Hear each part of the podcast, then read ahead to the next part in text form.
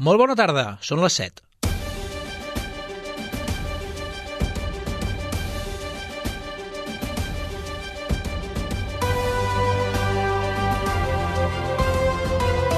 Notícies Vespre. Pau Duran.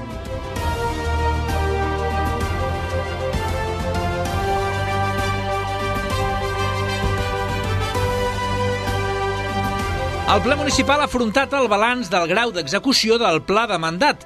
L'executiu local acaba de presentar les seves dades. Helena Molís, bona tarda. Bona tarda. 9 de cada 10 de les actuacions previstes entre els anys 2021 i 2023 s'han executat o estan en fase d'execució. El regidor i portaveu adjunt del govern, Eloi Cortés, valora les xifres. Una valoració crec que positiva, una planificació eh, realista, capacitat d'execució i una cosa que crec que és important, eh, capacitat també de reajustar objectius i projectes quan així feia falta i també explicar a la ciutadania eh, per què hi havia projectes doncs, que volíem fer en el seu moment que hem decidit o que eh, hem valorat que no era possible tirar-los endavant. En l'apartat de mocions, els endarreriments en la construcció dels nous equipaments educatius també passaran avui pel Saló Noble Municipal. I en aquest mateix ple també presenta la seva memòria anual la síndica de Sabadell.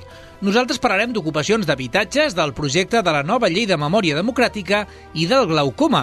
I és que el principal problema a l'hora d'abordar aquesta malaltia, Helena, és la seva manca de detecció. Sí, actualment el Parc Taulí atén cada setmana 5 casos nous d'aquesta patologia oftalmològica, una malaltia que cada cop afecta més gent. Juntament amb la diabetis, és la principal causa de ceguesa a l'estat espanyol. I en esports, Adrián Hortolà s'ha eregit en un dels noms propis del centre d'esports als últims partits. El porter ha encaixat només un gol de penal a les dues jornades i mitja que ha jugat i ha estat decisiu amb les seves parades. El de Xàbia va arribar al mercat d'hivern i li ha guanyat la partida Sergi Puig a la titularitat. Aquests i altres temes ampliats en la pròxima mitja hora amb la companyia de la Rocío García a les vies de so. Notícies Vespre. Tota la informació a Ràdio Sabadell. Els serveis. Abans d'entrar en matèria, repassem quina és la situació als principals eixos viaris que menen a la nostra ciutat. Per exemple, veiem que a Barberà del Vallès, en direcció a Martorell, a l'AP7, hi ha un parell de quilòmetres de circulació intensa, també trobareu, si veniu cap a la ciutat, des del nus de la Trinitat, que hi ha diferents sectors de circulació amb retencions o inclús amb congestió, amb un tall de 4 quilòmetres en sentit nord, sortint cap a de Barcelona, vull dir. També a l'alçada de Barberà del Vallès, a la B30, circulació amb retencions aproximadament amb un quilòmetre i mig. En definitiva, la situació esperable en un dia com avui a aquesta hora. El temps. 16 graus ara mateix a Sabadell, tot i que ja s'ha fet fosc, núvols a sobre de la ciutat. Volem saber la previsió per les pròximes hores i li preguntem a Lluís Mi Pérez. Bona tarda. Bona tarda. Vent de Ponent, de Garbí, de Llebeig, el que està dominant a gran part de comarques i, de fet, que fa que l'ambient sigui molt suau. Aquesta tarda ja hem arribat a màximes de temperatura de més de 20 graus a les quatre demarcacions. Al llarg de les immediates hores el vent girarà cap a Tramuntana, a Girona, això farà baixar en picat la temperatura. També baixarà de cop la temperatura a la costa barcelonina amb el gir del vent cap al llevant aquest vespre. I pel que fa a pluges, poques. Alguns ruixadets de neu cap als 1.500 metres a l'Alt Pirineu i alguna gotellada a Girona. Demà el vent de Garbí, vent de Ponent, vent de Llebeig es reforça i es fa encara més general.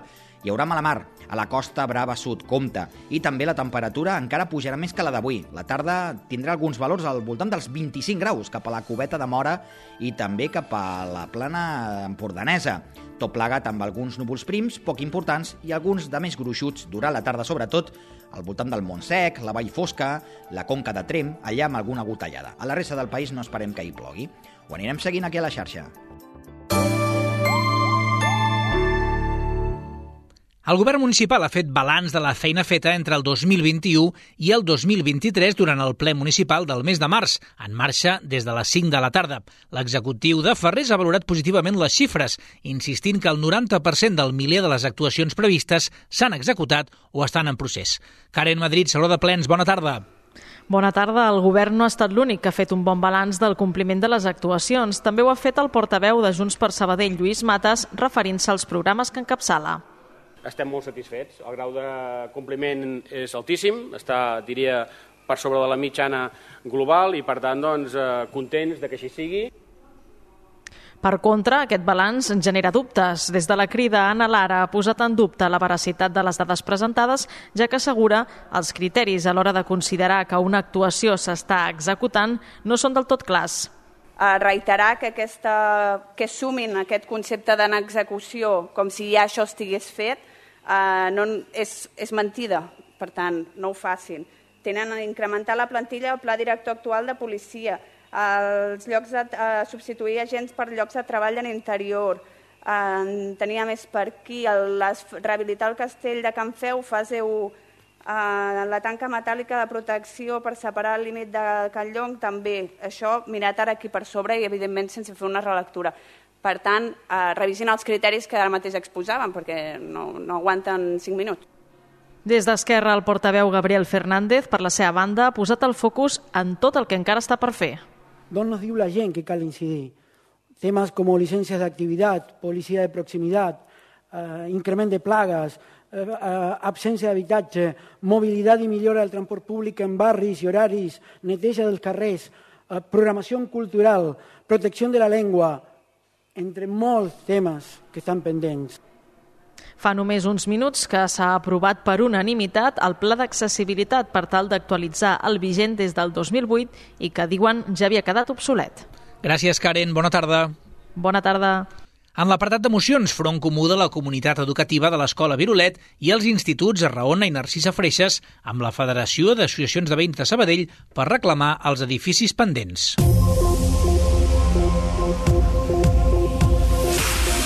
La construcció dels equipaments s'ha tornat a retardar, segons va detallar ahir a Ràdio Sabadell la directora dels serveis territorials. La previsió és que l'escola Virolet entri en funcionament al setembre del 2027, mentre que els dos instituts ho farien al setembre del 26. La presidenta de l'AFA del Narcisa Freixes, Bea Garcia, ha admès que aquest nou endarreriment suposa un contratemps per als alumnes del centre que el curs que ve faran batxillerat ens han anat, preparant el, el camí perquè dient ah, que, que no podria ser perquè a l'institut no, no hi cabem. I, i la veritat que ens sap, ens sap molt greu perquè realment el, el, el que és l'equip directiu i, i, i tot l'equip educatiu de, de, del Narcisa doncs estan fent mans i mànigues des, del, des de l'inici per, perquè aquest projecte vagi endavant i és una, i és una llàstima que, que, bueno, que el batxillerat no, no ho puguin fer allà.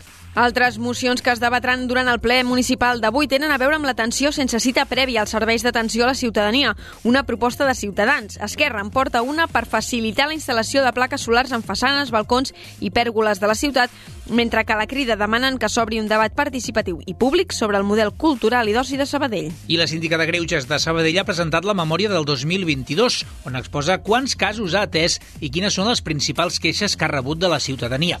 Doncs bé, amb gairebé un 30%, la principal queixa que Eva Avellan ha rebut ha sigut sobre el dret a la bona administració, una queixa que fa referència, per exemple, al silenci administratiu del consistori o al retard a l'hora de contestar peticions de la ciutadania. De fet, la síndica mateixa pateix aquest retard de les respostes de l'Ajuntament, ja que aquests li contesten els seus missatges amb més de 100 dies de retard. Altrament dit, un 95% de les peticions de la síndica s'han respost fora del termini fixat.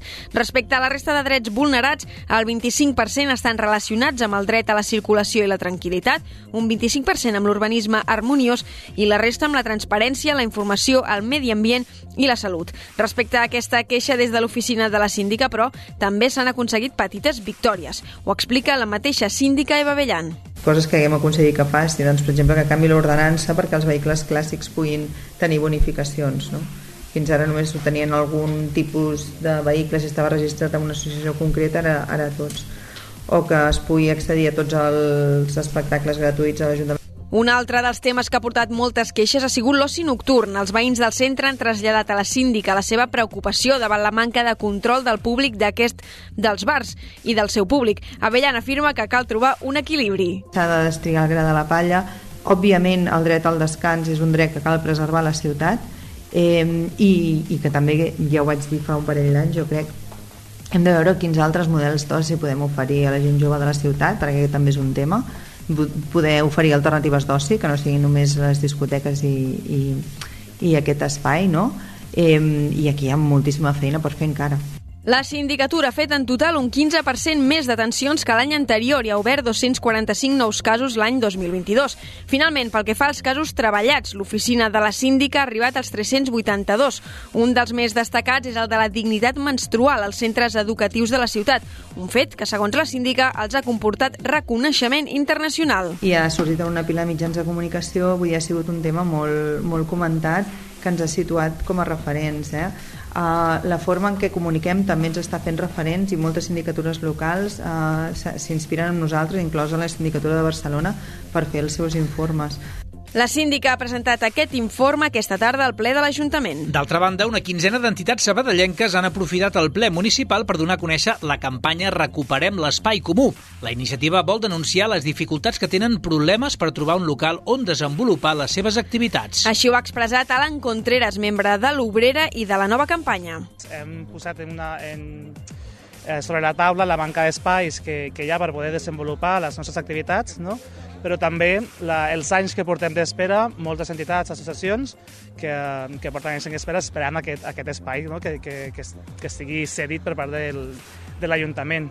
Són associacions molt, molt diferents i, i diverses. Hi ha des d'esplais, eh, caus, eh, associacions de veïns, de veïnes, eh, gent que, col·lectius que fan activitats que no són una associació com tal, però els hi cal per poder desenvolupar la, les seves tasques. Per tot plegat, des de Recuperem l'Espai Comú reclamen que l'Ajuntament faci públic el cens dels immobles de titularitat municipal i especifiqui quins es troben cedits i per qui. A més, demanen que l'administració local cedeixi els espais públics buits a les entitats que ho hagin demanat i reivindiquen l'eliminació de traves burocràtiques per accedir-hi.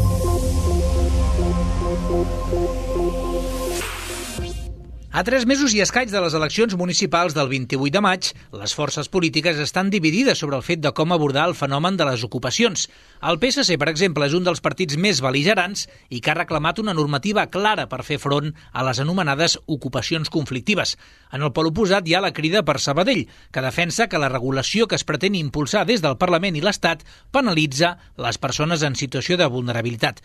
I més enllà de la política, hi ha els constructors de la comarca, que han consensuat unes pautes d'actuació amb la policia, principalment Mossos, perquè els agents puguin actuar en cas d'ocupacions, de promocions de pisos nous o habitatges a l'ENA que s'han d'enderrocar per construir-ne de nous. Ara bé, l'esforç principal l'hauran de fer els mateixos promotors amb mesures preventives com ara fer un perímetre de les obres o que les finques estiguin connectades a una central d'alarmes. La portaveu del Gremi de Constructors del Vallès, Núria Mela, ha assenyalat que la idea és que les ocupacions no s'allarguin en el temps. Per poder tenir una prova de càrrega fefaent de quin ha estat el moment d'ocupació i que eh, es pugui actuar amb molta rapidesa perquè es pugui desallotjar eh, sense necessitat que hi hagi posteriorment una intervenció judicial. Perquè, eh, bàsicament, això és el que es voldria evitar, perquè llavors és quan s'eternitza o d'alguna manera es consolida l'ocupació la Cambra de la Propietat Urbana de Sabadell avala el nou protocol i confia que l'Ajuntament de Sabadell pugui sumar-s'hi. L'adjunt a la direcció, Miquel Àngel Vicente, ha recordat que les ocupacions conflictives són un mal de cap important. Per això reclama que els agents de la policia que hi han d'intervenir puguin fer-ho amb la màxima seguretat.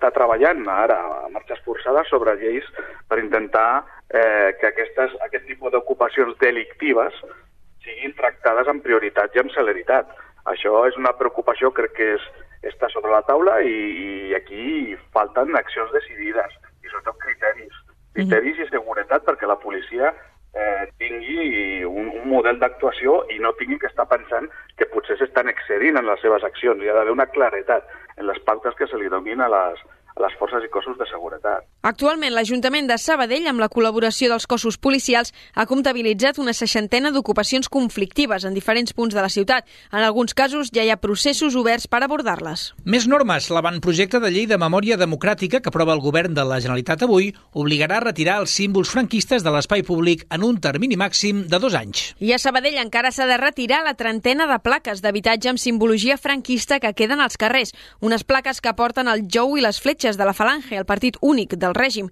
L'historiador Martí Marín alerta que els símbols no sempre són fàcils de valorar. Els símbols a vegades són complicats de valorar. Ara, va, Uh, allò del partit únic, és evident. Uh, els noms de les persones més, uh, més significades, és evident. Uh, el nom de les persones més significades localment, aquí tindrem, com ja els hem tingut a Sabadell, un determinat nivell de polèmica i de conflicte. què passa amb els alcaldes, què passa amb els regidors.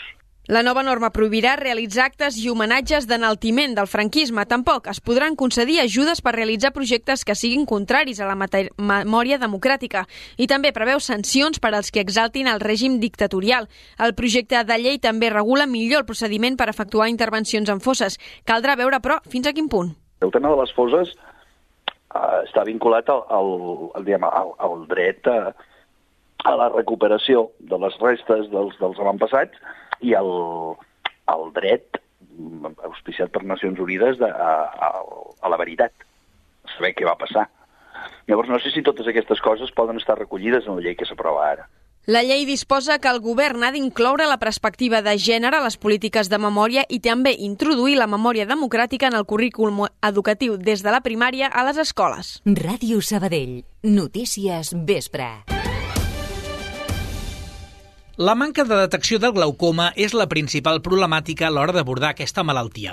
Actualment el Parc Taulí atén cada setmana 5 casos nous d'aquesta patologia oftalmològica, una malaltia que cada cop afecta més gent. Sí, de fet, juntament amb la diabetis, el glaucoma és la principal causa de ceguesa a l'estat espanyol. Aquesta malaltia que afecta els nervis de l'ull és irreversible i és per això que és tan important detectar-la a temps. Ho ha explicat l'oftalmòloga del Taulí, Natalie Gutiérrez, en una entrevista al programa Al Matí. Tot i ser irreversible hi ha tractament per tal d'evitar aquesta ceguesa completa i també hi ha cirurgia en cas de necessitat. Ràdio Sabadell. Notícies. Tot seguit abordem notícies d'àmbit local, però d'una manera més breu. Avui també és notícia L'Agència Catalana de l'Aigua ha activat la fase d'excepcionalitat del sistema Ter Llobregat i de l'aqüífer del Fluvià, una mesura que afecta 224 municipis, entre ells Sabadell. A partir d'avui són d'aplicació obligatòria les noves restriccions recollides a la fase d'excepcionalitat a causa del descens de les reserves d'aigua. Queda prohibit el rec de jardins i zones verdes públics i privats amb excepcions. El consum per habitant i dia es limita a 230 litres, un objectiu que Sabadell compleix, ja que el consum domèstic d'aigua a la ciutat és de 102 litres per habitant i per dia dia, un dels més baixos del nostre entorn, per sota de la mitjana catalana. I l'Ajuntament de Sabadell ha organitzat un servei d'acompanyament comercial per enfortir i recuperar la dinamització del barri de l'Eixample, que s'havia vist afectada amb motiu de la Covid. El servei s'està duent a terme en un seguit de sessions de treball amb els comerciants. L'Associació de Comerciants de l'Eixample treballarà en una marca conjunta i dissenyarà noves línies d'actuació. També col·laborarà amb Andi Sabadell perquè joves i adults de l'entitat facin pràctiques laborals en els establiments comercials del barri. Del 14 al 16 d'abril se celebrarà la segona edició del Sakura Matsuri Sabadell, la fira sobre la cultura japonesa que presenta novetats respecte a la primera edició de l'any passat.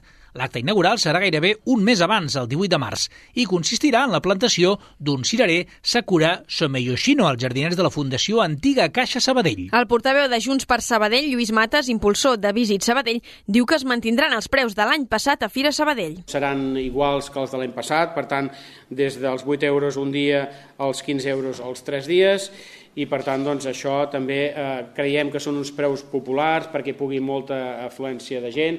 L'any passat doncs, vàrem arribar doncs, aquests eh, 10.000 persones que varen passar doncs, per aquestes activitats i el que volem és que siguin unes activitats populars, també per àmbits molt diversos, per temàtiques molt diversos i en aquest sentit doncs, l'aposta també al compromís de l'organització i de l'Ajuntament és que Sabell doncs, segueixi esdevenint pols d'atracció amb tota aquesta temàtica japonesa. L'edició d'enguany està organitzada per Japan Weekend, que ha impulsat una renovació dels estants. S'hi faran un centenar d'activitats que inclouen les primeres jornades de gastronomia japonesa a Sabadell. El que fem és posar totes les facilitats del món doncs, perquè Sabadell sigui seu d'esdeveniments de primera divisió, com poden ser aquests, esdeveniments culturals, esportius i empresarials, i en aquest cas doncs, aprofitar tots els actius que tenim aquí a la ciutat i posar-los a disposició, en aquest cas, de la Fira de Sakura Matsuri.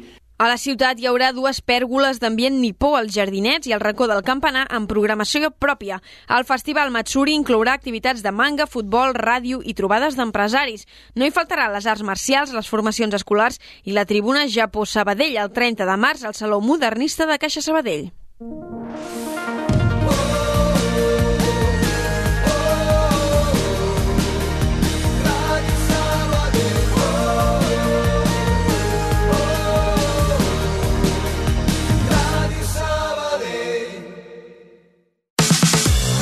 Coneixes l'app de Taximés? Descarrega-te-la i reserva un taxi còmodament des de la nostra app. Més informació a taximesapp.com. Taxi!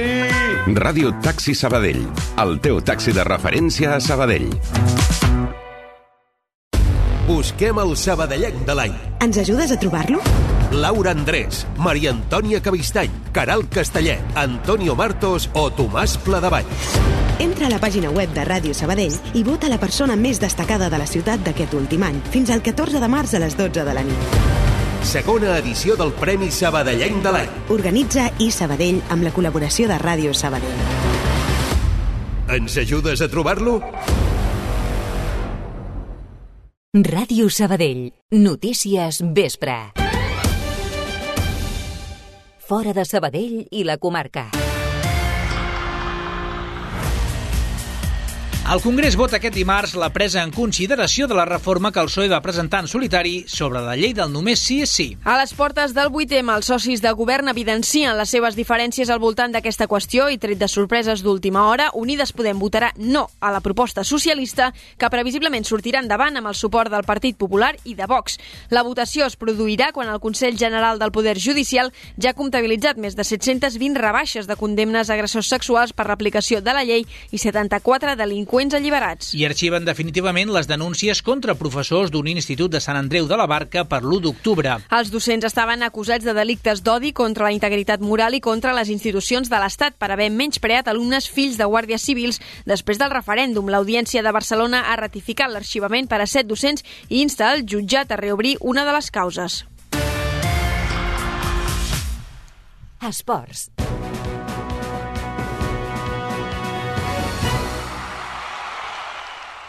Adrián Hortolà és un dels noms propis del centre d'esports. Sergi Parc, bona tarda. Hola, Pau. El fitxatge del porter en el mercat d'hivern havia estat qüestionat perquè l'equip ja comptava amb Sergi Puig i Víctor Vidal, però el de Xàbia ha estat decisiu en les seves aparicions com a arlequinat. Ha jugat els últims dos partits complets contra l'Eldense i el Real Unión, a més de la primera part del duel suspès contra la UDL. Tot just encaixat un gol i va ser de penal al nuevo Pepico Amat.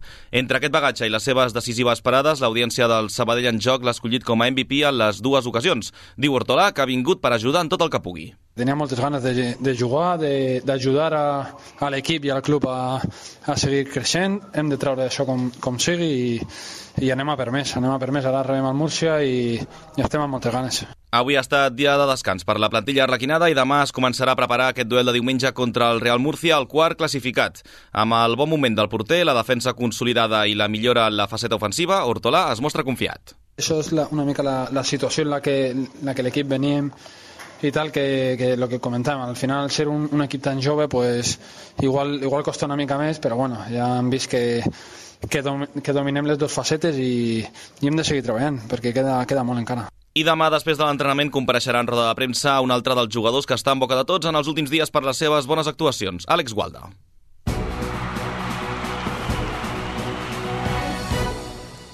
La Unió Ciclista Sabadell organitza aquest cap de setmana les seves dues clàssiques. Dissabte la 52a edició del trofeu Joan Escolap i diumenge el 93è campionat de Sabadell. Aquest migdia s'han presentat les dues curses, Sergi, a Cal Balsac. Sí, i amb dues recuperen el tradicional recorregut amb la novetat que el campionat de Sabadell invertirà el seu sentit. Antoni Soler, el president de la Unió, ha dit a la presentació d'aquest migdia que les proves serviran com un primer tast abans de rebre el final d'etapa de la Volta a Catalunya.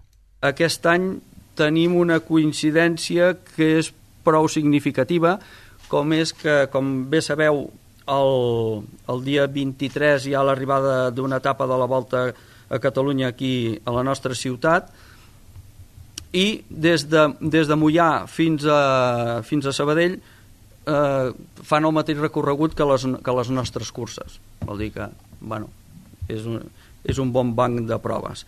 Hi haurà 200 ciclistes cadascun dels dies, que és el topall que marca la normativa, amb equips de diferents nacionalitats, com tres francesos, un neerlandès, un estatunidenc, un de Mònaco o també el Globalia Zamora Enamora dels sabadellencs David Domínguez i Òscar Rota.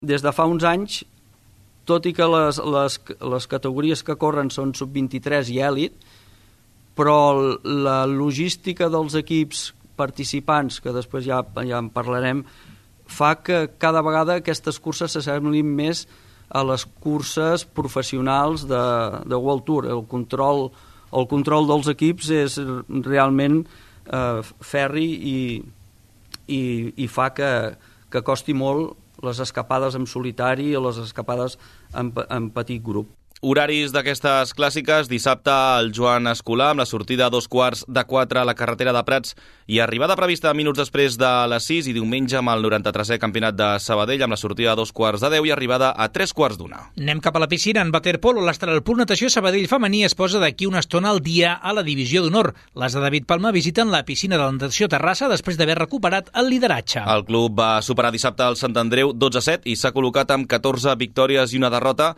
el mateix balanç que el Mataró, però amb la baraix particular guanyat. Maica Garcia, capitana de l'Astralpool, avisa que no valen distraccions aquesta nit per tirar el partit endavant. Són jugadores que crec que estan fent una bona temporada, estan fent bons resultats.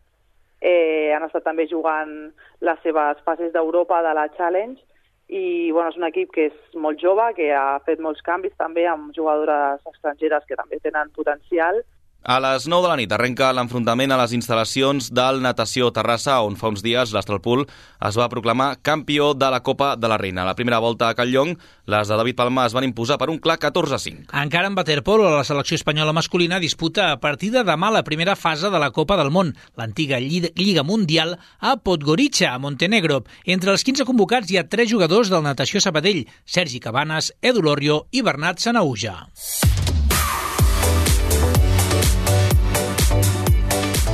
Vinga, va, més qüestions. Recuperem el fil del futbol. A segona catalana, Sergi, no hi haurà cap representant sabadellenc a la fase d'ascens. L'únic que arribava amb opcions de ser tercer del subgrup 4B era el Can Rull, però tot i guanyar 1-2 al Montcada s'ha quedat sense possibilitats matemàtiques, ja que el Ripollet no va fallar en el seu partit. Com a balanç del primer tram de temporada, el tècnic José García Numoski es queda amb l'esperit competitiu del seu equip. a todo el mundo le gusta jugar ¿no? contra San Juan de Moncada, Moncada, Ripollet, que sabemos que son los equipos que a priori son los que tienen que estar por, por tema de presupuesto, por tema de, calidad de jugadores. Venir a Campo el Moncada por un aliciente, eh, ver a qué nivel estamos y bueno, creo que sin ninguna duda creemos que estamos a ese nivel y bueno, y competimos. Competimos contra todos, contra el que se nos ponga, Moncada, San Juan de Moncada, Ripollet. A l'última jornada de la primera fase només quedarà saber si acabarà quart el Can Rull o el Tibidabo Torre Romeu, que ja ha jugat tots els partits. Si els arraquinats puntuen contra l'Olímpic Cap Patjó, seran ells els quarts. Qui haurà de suar de valent en el que queda de temporada per salvar-se és el Sabadell Nord, que té 16 punts després de perdre el seu últim compromís a Can Uriac 1-2 contra el Natació Terrassa. I a la segona B de futbol sala, Natació Sabadell i Escola Pia s'allunyen dels seus objectius. La Pia és ara a 5 punts de la permanència, després de caure per un contundent 4 10 a casa contra el Manresa, dirigit per l'ex-escolapi i del club Borja Burgos. Danilo Inat és jugador de l'equip local. Creo que hemos hecho muy buena primera parte, eh, tres errores, porque han sido así tres errores. Eh, la han beneficiado a ellos, de la portería y bueno, cabeza arriba es ahora mismo lo que hay. I el Manresa s'ha consolidat a la zona playoff i allunya el Natació Sabadell despenjat ara 7 punts després de perdre per la mínima 4-3 a Mataró. Marc Hermosel, jugador nedador, es lamenta de com ha quedat la clasificació. Este fin de, al, al descansar por, por Elche, sumamos los tres y si Manresa pinchaba pues nos poníamos a uno y ya por como aquel que dice dependíamos de nosotros pero ahora mismo nos vamos otra vez a 7 de Manresa I a la París-Niça, l'estanada David de la Cruz ha acabat en setzena posició a la contrarrellotge per equips. Amb el nou format per comptabilitzar els temps, en què les marques vàlides han estat les que han fet el primer ciclista de cada equip a creuar la meta, l'equip del Sabadellenc ha trigat un minut i 16 segons més que el guanyador, el Jumbo Visma. Magnus Cornilsen és el nou líder a la general, mentre que de la Cruz és a la posició 51. Demà, primer final en pujada de la cursa ciclista francesa. Fins aquí el Notícies Vespre d'avui.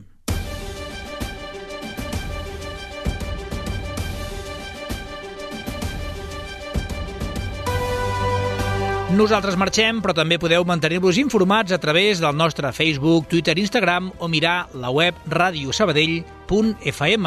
Demà, 8 programació especial a Ràdio Sabadell. Fins llavors.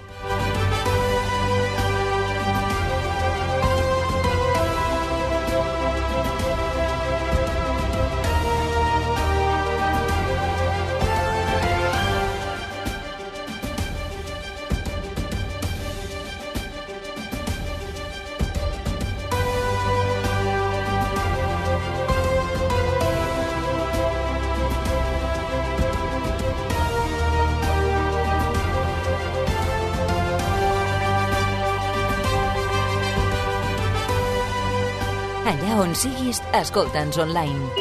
en directe.radiosabadell.fm.